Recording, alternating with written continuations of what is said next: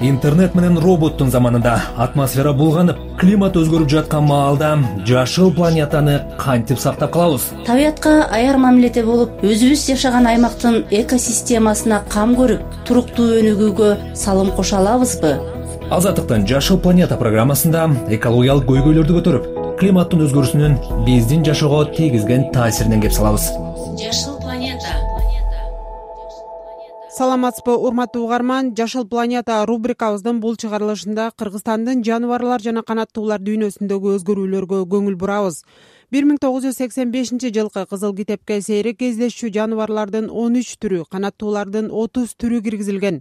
эки миң жетинчи жылы болсо кызыл китепке кирген жаныбарлардын түрү жыйырма үчкө көбөйүп канаттуулар болсо элүү жетиге жеткен кызыл китеп сейрек кездешүүчү жоголуп бараткан же жоголуп кетүү коркунучунда турган анын ичинде глобалдуу мааниге ээ болгон жапайы жаныбарлардын канаттуулардын жана өсүмдүктөрдүн тизмеси.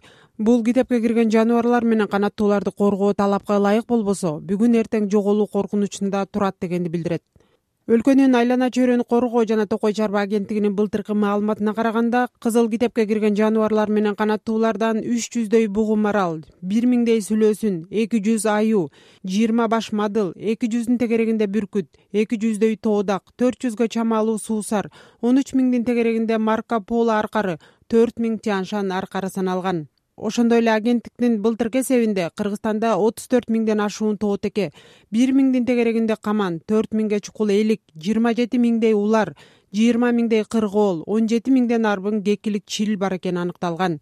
Теңир тоо аймагында канаттууларды коргоо жана алардын санын көбөйтүү максатында нарын районунун эгерлери кыш бою бир тоннадай жем чачып чыгышты жаратылышты коргоочулар райондогу алты жүз сексен миң гектар жерди байырлаган канаттууларга көз салышат. Айрыкча кекилик чил кыргоол сыяктуу соңку кезде кескин азайып бараткан канаттуулар камкордукка алынган. Нарындык жаратылышты коргоочулар менен бирге кесиптешим мирлан кадыров да ат минип тоо аралап келди. Теңир тоону байырлаган канаттууларга жем чачканы бараткан эгерлерди ээрчий мен да жол тарттым. Бул жолу ошентип нарын райондук жаратылышты коргоо департаментинин кызматкерлерине сапарлаш болдум оттук айылынын үстүндөгү коктуга чейин машина менен келдик. Каар этектерине бадалдарга чачабыз азыр каар тетилер доору болуп. Истери бар бекен ошо кекиликтер ошокто акыркы мушок калды го э?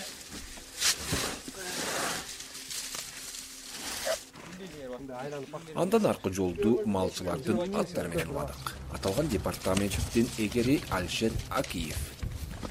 Оң аякта азыр бет болуп мояк кыштоо болуп кекиликтердин баары ушжакта экен. Кышкысың этекте болуп калат ылдыйлапчы. Баягы каар эме болгондо. Азыр уже күнгөйлөр ачылганы кекиликтер ушуларда болуп калыптыр эми эле көрбөдүкпү. Анан ушуларга чачып коелу. Ушул кышкысын ушундай биотехникалык иш чараларды өткөзөбүз ушундай канаттууларга жапайы канаттууларга жем чачабыз. Ушул токойдун ичинде чөө болобу жырткыч жаныбарлар.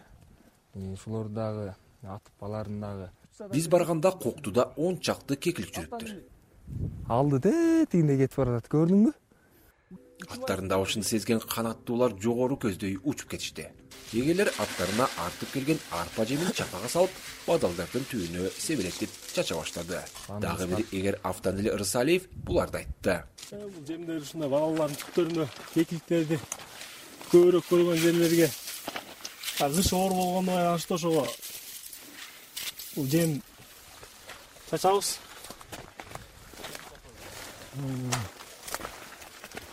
Ушул биякта кекиликтер чилдер улар да келет бияка. Жерлер ошо эмелекке келген кекиликтер буларды кайра эми түштөн кийинки оттогондо эле келип жешет бияктан. Булардын түптөрүнөн келип. Көрүп каласыздарбы? Чачып жеп атканда келген сайын көрүп калабыз. Мына түптөрүнө келип жеп калышат мал жеп кетпегендей кылып. Дагы чакалып келет э мал жок жерлерге чачабыз биякта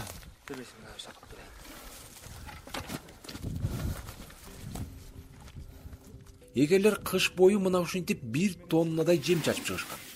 Алар нарын районундагы жети жүз миң гектарга жакын жердеги канаттууларга камкордук көрүшөт айрыкча кийинки кезде кекилик чил кыргоол сыяктуу канаттуулар азайып кеткен. Жаратылышты коргоочулар мынтип канаттууларга жем ал эми жаз алды менен кайбирендерге туз чачышат мындан сырткары суу чыккан булактардын көздөрүн тазалап жапайы жан жаныбарлардын ээн эркин жүрүүсүнө алардын көбөйүшүнө табигый шарт түзүүгө аракет кылышат. Жаратылышты коргоо департаментинин кызматкери жүргүзүп жаткан иштери тууралуу буларды айтып берди. Адамдардын мамилеси эми акыркы жылдары өзгөрүп баратат уже. Мындан сырткары жер жерлерде айыл өкмөттөргө барып иш жүргүзөбүз. Элдер менен мындай кыштоолорго барып бир көп жерге жаратылышты коргоо боюнча окууларды өткөрөбүз түшүндүрүү иштерин жүргүзүп турабыз. Акыркы жылдарда жылыштар бар браконьерство азайып баратат ал үстүнө өкмөтүбүздүн акыркы жылдары чыккан токтомдору штрафтарын жаратылышка келтирген боюнча зыяндардын өлчөмдөрүн көбөйтпөдү кескин ошондон кийин кескин түрдө эле азайды десек болот. Жок жокко эсе десек болобу жокко эсе болуп атат эми иштерди жүргүзүп атабыз бирок мурункуга караганда уже азайып калды эл түшүнүп калды жаратылыш өзүбүзгө керек экен бала чакага керек экенин уже түшүнүп калдык. Жергиликтүү эгелердин мындай аракетине карабай канаттуулар менен кайбирендер мыйзамсыз аңчылык кылгандардын бутасына да илинет бул өрөөндү кыштаган малчылар кайдан жайдан пайда боло калчу браконьерлер тыйыла электигин айтышат. Бирок белгилей кетчү нерсе он жыл мурункудай ар ким мылтык көтөрүп кайбирендер менен канаттууларды кырган маал токтогон жергиликтүү эл айлана чөйрөгө кам көрүүнүн маанисин түшүнүп жапайы жан жаныбарларга тийишпейт деле дейт бул жерди көптөн бери жетеген мурат касымов. Тоонун башында болуп калабыз аягынан талкылдаган үн чыгып калчу. Анан азыр тыйылып калды. Жакшы. Ошолорду өз алдыңарча деле коргоо эми колдон келсе биз өзүбүздүн жерибизди өзүбүз деле корумуш этебиз бирок баары көнүп алган болбойт экен да. Мына долоондашып келет экен биз угуп да калабыз кеч келет эрте келет анан жолдун бою болгондо эле көп эле машина токтойт экен аны биз көп билбейт экенбиз да. Анан мына силер келип жемиңерди чачып өзүбүздүн кызыл китепке кирген ушинтип өзүбүз сактап калбасак ким сактайт? Башка бирөө келип сактап бербейт. Жапайы жан жаныбарларга ууга чыккандарга он эки миң сом айып пул салынат. Ал эми кекилик аткандар эки миң кыргоол үчүн алты миң сом төлөшөт ушул жылдын башында кара кучур аймагында аңчылыктын ышкысына баткандар алты тоо текенин этин алып баратканда кармалган. Теңир тоо жергеси канаттуунун жүздөн ашуун ар кандай түрүнүн кызыл китепке кирген илбирстин сүлөөсүндүн күрөң аюунун жана аркар кулжанын мекени мирлан кадыров азаттык нарын эми деңиз деңгээлинен эки миң метрден бийикте турган алайкуу өрөөнүндөгү кулун ата мамлекеттик коруугундагы жагдайга кайрылсак. Бул жаратылыш коруугунда эгер болуп иштеген жамгырчы нуркамиловду кесиптешим сабыр абдымомунов кепке тартты. Кулун ата кара кулжанын чыгыш жагында жайгашкан өзгөчө корголчу аймак. Эки токойчулуктан турат? Тоңзоо токойчулугу жана кулун ата токойчулугу. Ушу тоңзоо токойчулугунда ага эгер болуп кызмат бул жаратылышты он төрт жылдан бери көрүп билип коргоп жаратылыш менен эле болуп калдык биз. Бизде эчки теке илбирс аркар кулжа аюу карышкыр деген жапайы жандыктар бар. Буларды көздүн карегиндей сактап коргоп келебиз өзүбүз өзүбүздүн аттарыбыз бар мамлекет берген. Беш адам баткыдай кордондорду куруп берген. Така менен камсыз болобуз. Биз обходторубузду кыргызча кылып смендешип алганбыз.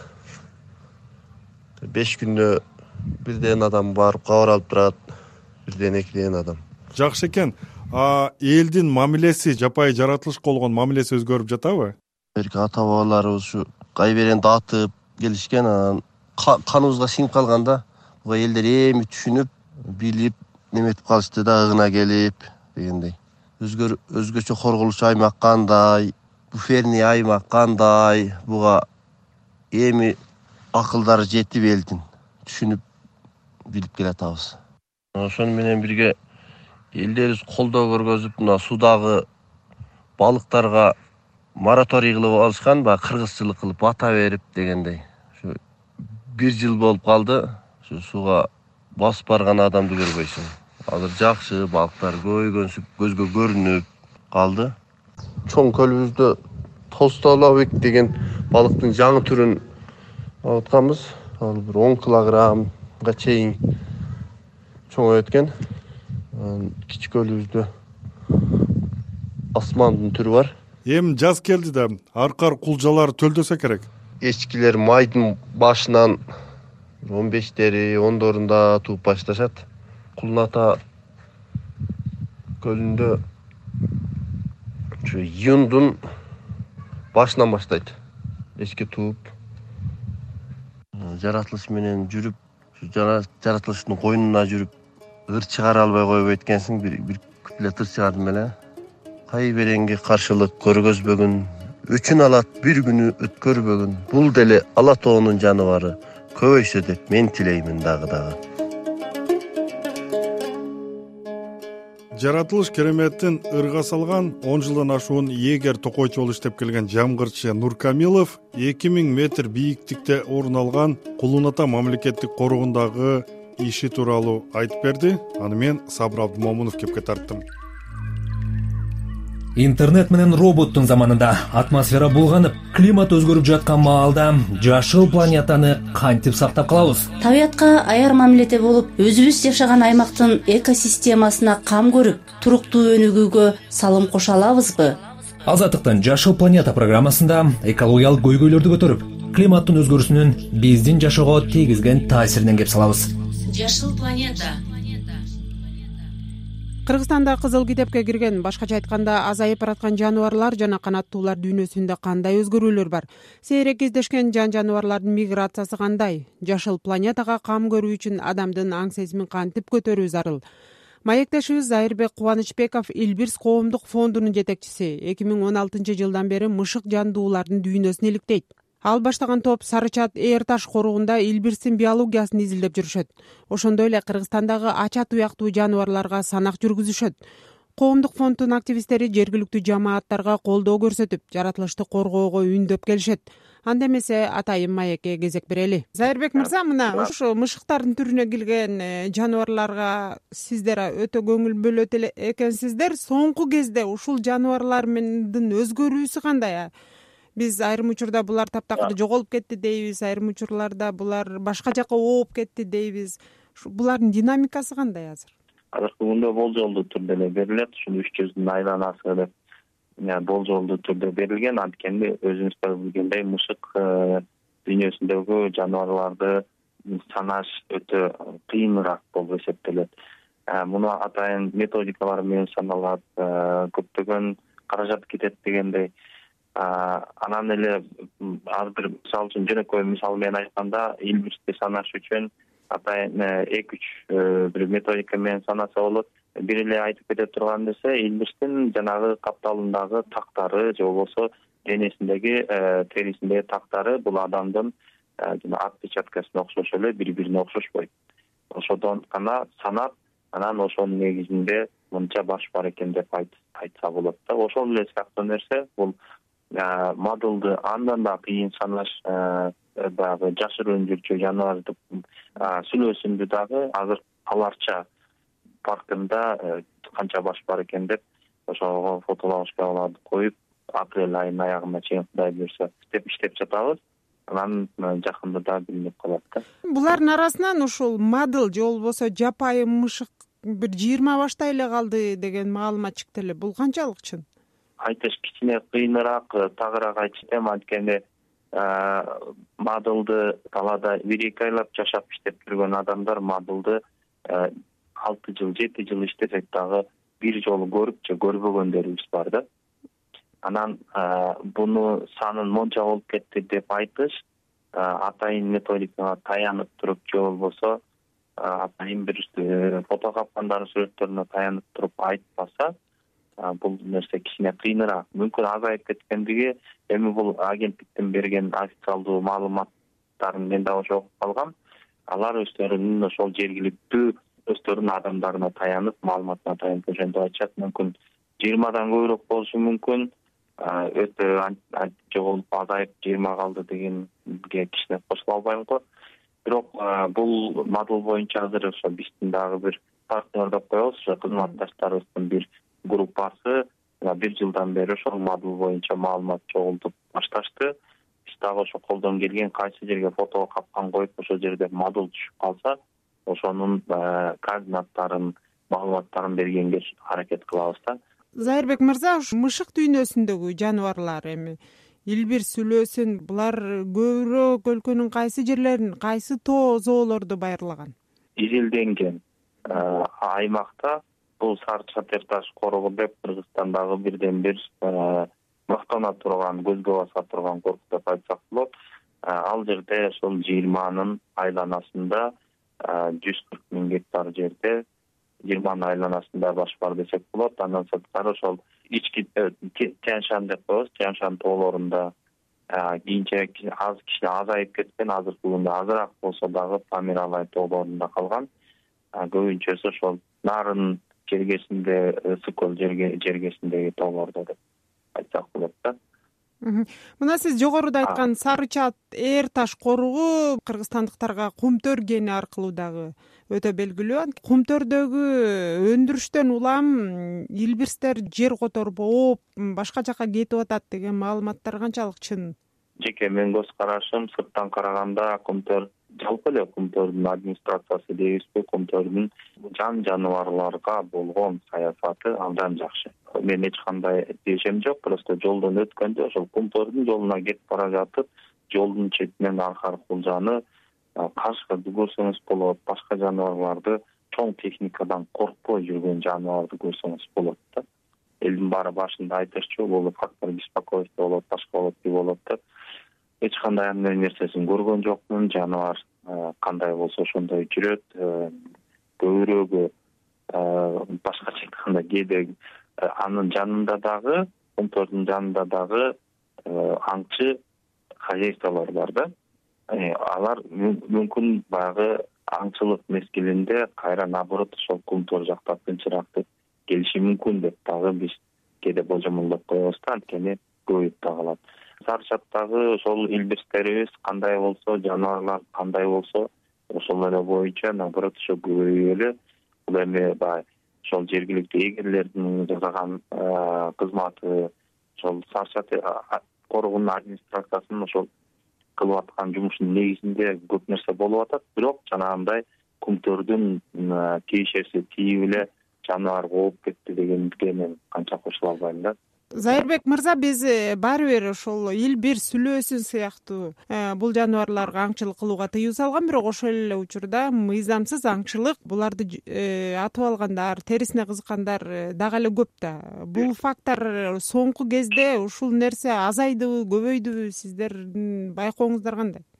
Бул боюнча биз дайыма мына акыркы үч төрт жылда аябай карайбыз биздин уюм ошол пантера уюму менен биргеликте атайын баягы кызматтык иттерди жаныбарлардын дериваттарына окутуу деген дагы бир программабыз бар. Ошонун негизинде бажы кызматынын кинологиялык кызматындагы сегиз итти былтырдан бери окутулган. Алар ошол атайын ошол чек араларга бажыдан өткүчү жерде текшерүүчү иттер бар. Ал иттер илбирстин терисине аркар кулжанын терисине жана башка жаныбарлардын терисине дериватына окутулган то есть таап алат деген мааниде ал жагы дагы күчөтүлгөн. Бирок э, бирок э, бирок зайырбек мырза кыргызстандыктар мына биздин эле өзүбүздүн элибиз сүлөөсүн ичик жапкандар кездешип эле атпайбы алар терини кайдан таап жок ал андай мезгил өткөн э, андай мезгил өткөн. Бул эми бир он беш жыйырма жыл мурун болсо керек. Мен деле сүрөттөрдөн мурда көрүп калгам акыркы күндөрдө мыйзам чыгарылган мыйзамдын негизинде эгерде башка баардык эле адамдар кимдир бирөө э, ичик териси менен же тебетеги менен же кандайдыр нерсе менен сүрөткө да түшүп коюп он жыл болобу жыйырма жыл болобу мурунку сүрөттөргө түшүп интернеттен чыкса ошонун негизинде жаза тартылат деп. Анан жазасы аябай күчөтүлгөн бир жарым миллион сомго чыккан. Ошонун негизинде акыркы мына үч жылдан бери бир дагы жолу сүлөөсүндү же болбосо илбирстин терисин же болбосо бирөө аңчылык кылыптыр деген нерсени уга элекпиз болгон да жок ага чейинки бир эки факт катталган алар э, соттун негизинде өздөрүнүн жазасын алды. Зайырбек мырза мына ошол илбир сүлөөсүн сыяктуу жаныбарлар тамактанган. Бул ача туяк жаныбарлар бирөөсү жок болуп калса ошол мыйзам ченемдүүлүк бузулат экен. Ошо аркар кулжа азыр э, азайып кетти. Э, адам факторунун таасиринин алдында деп айтып атабыз ошо аркар кулжанын абалы кандай азыр. Эми негизи баардык нерсени э, көп нерсеге адам күнөө бир эле жылда баарын кырып жиберүү мүмкүн эмес. Бул нерсени мурдатан ошол союз бузулгандан бери бир топ убакытка чейин мамлекеттик көзөмөлдүн анча болбой калгандыгынан элдин көпчүлүгү ошол аңчылык мыйзамсыз аңчылык кылып мындайча айтсак бир мезгилде дагы ошол жаратылыш элди бакты десек да болот. Кээ бир адамдардын жээрге эчтекеси жок калганда аңчылык кылып үй бүлөсүн баккан дагы убакыттар болгон да. Ошодон бери саны азайып кетип акыркы мына беш алты дейбизби он жыл дейбизби кайра ошонун саны стабилдешилип атайын ошол аңчы уюмдары өздөрү ошол жерди коруп кызыкчылыктарын коруп ошол жерге кийинчерээк аң уулатып э, азыркы күндө ошол стабилдештирилип анан өйдөрөөк кичине көтөрүлүп келатат десек болот. Аркар кулжага чет элдиктерге келип атып кетүүгө лицензия берилет атайын уруксат берилет. Алар көп акча төлөшөт. Буга уруксат берүү өзү туурабы буга мораторий коюп койсо кандай деп ойлойсуз? Мындай практика дүйнө жүзүндө бар. Э, бул нерсени э, туура аңчылыкты жүргүзүү бул нерсенин э, өтө зыяндыгына алып келбейт негизи бул илимий жактан көз караш менен алганда да анан жөнөкөй эле мисал менен айтканда ошол чет өлкөлүктөр келип кыргызстандан атып баарын чөгөттү жоготту деп атабыз. Жана сиз өзүңүз айткандай бул жерде экономикалык жагын карасак кыргызстанга жардам болуп жатат. Ошол эле мезгилде ошол түшкөн акчадан кичине да болсо пайда көрүп ошол жергиликтүү кээ бир адамдар ошол аңчылык уюмун түзүп алып ошол жерде ошол атайын жаныбардын саны көбөйгөндө чет өлкөгө аттырам деген максатта ошол жерде короп атат да. Мораторий киргизип койсо болот эгерде мамлекеттин э, казынасында акча көп болуп дагы азыркы ушул короп аткан корукчуларын эгерлер деп коебуз ошонун үстүнө дагы кошумча бир жүздөгөн корукчу алыш керек эгер. Анткени кыргызстандын жалпы ошол аңчы аймагы он төрт миллион гектар деп эсептелет. Он төрт миллион гектарга азыркы күндө ошол агенттиктин корукчулары эгерлери жетпейт.